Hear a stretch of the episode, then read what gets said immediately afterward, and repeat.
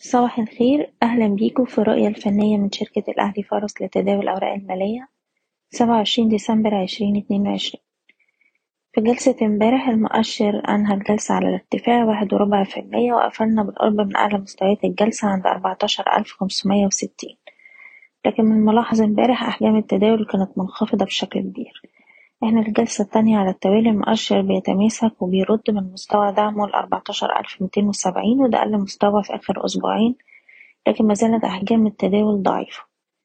طول ما إحنا محافظين على مستوى الدعم أربعتاشر ألف ميتين وسبعين هنشوف استمرار لمحاولات الارتداد والتجربة على منطقة المقاومة اللي ما بين أربعتاشر ألف سبعمية وخمسين لحد الخمستاشر ألف هنستغل الارتدادات دي لتخفيض المراكز خصوصا للناس اللي محملة مارجن والناس اللي مش عايزة تبيع تقدر تستخدم أقل مستوى اتسجل في آخر الجلستين كمستوى حماية أرباح. وبالنسبة للأسهم نبدأ بسهم أموك. سهم عنده دعم دلوقتي عند الخمسة جنيه وسبعين قرش. بنحتفظ طول ما إحنا فوق المستوى ده وطول ما إحنا فوقين نروح نجرب على مستويات الستة وربع أو الستة جنيه ونص. حديد عز عندنا دعم عند العشرين ونص طول ما إحنا فوق المستوى ده. نروح نجرب على اتنين وعشرين ونص تلاتة وعشرين ونص. سهم فوري عندنا دعم عند الأربعة جنيه وتسعين قرش. طول ما إحنا فوق المستوى ده ممكن نروح نجرب على الخمسة وربع خمسة أربعين. المجموعة المالية هرمسة عندنا دعم عند ستاشر جنيه وتمانين قرش.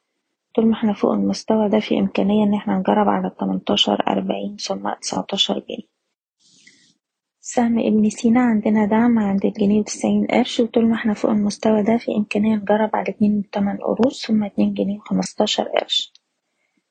النساجون عندنا دعم عند التسعة جنيه وتمانين قرش وطول ما إحنا محافظين على المستوى ده نروح نجرب على العشرة ونص والحداشر جنيه. وأخيرا مصر الجديدة للإسكان عندنا دعم عند السبعة ونص طول ما إحنا محافظين على المستوى ده نروح نجرب على التمانية عشرين تمانية ونص. بشكركم بتمنى لكم التوفيق. إيضاح: الشركة غير مسؤولة عن أي قرارات استثمارية يتم اتخاذها بناءً على هذا التسجيل.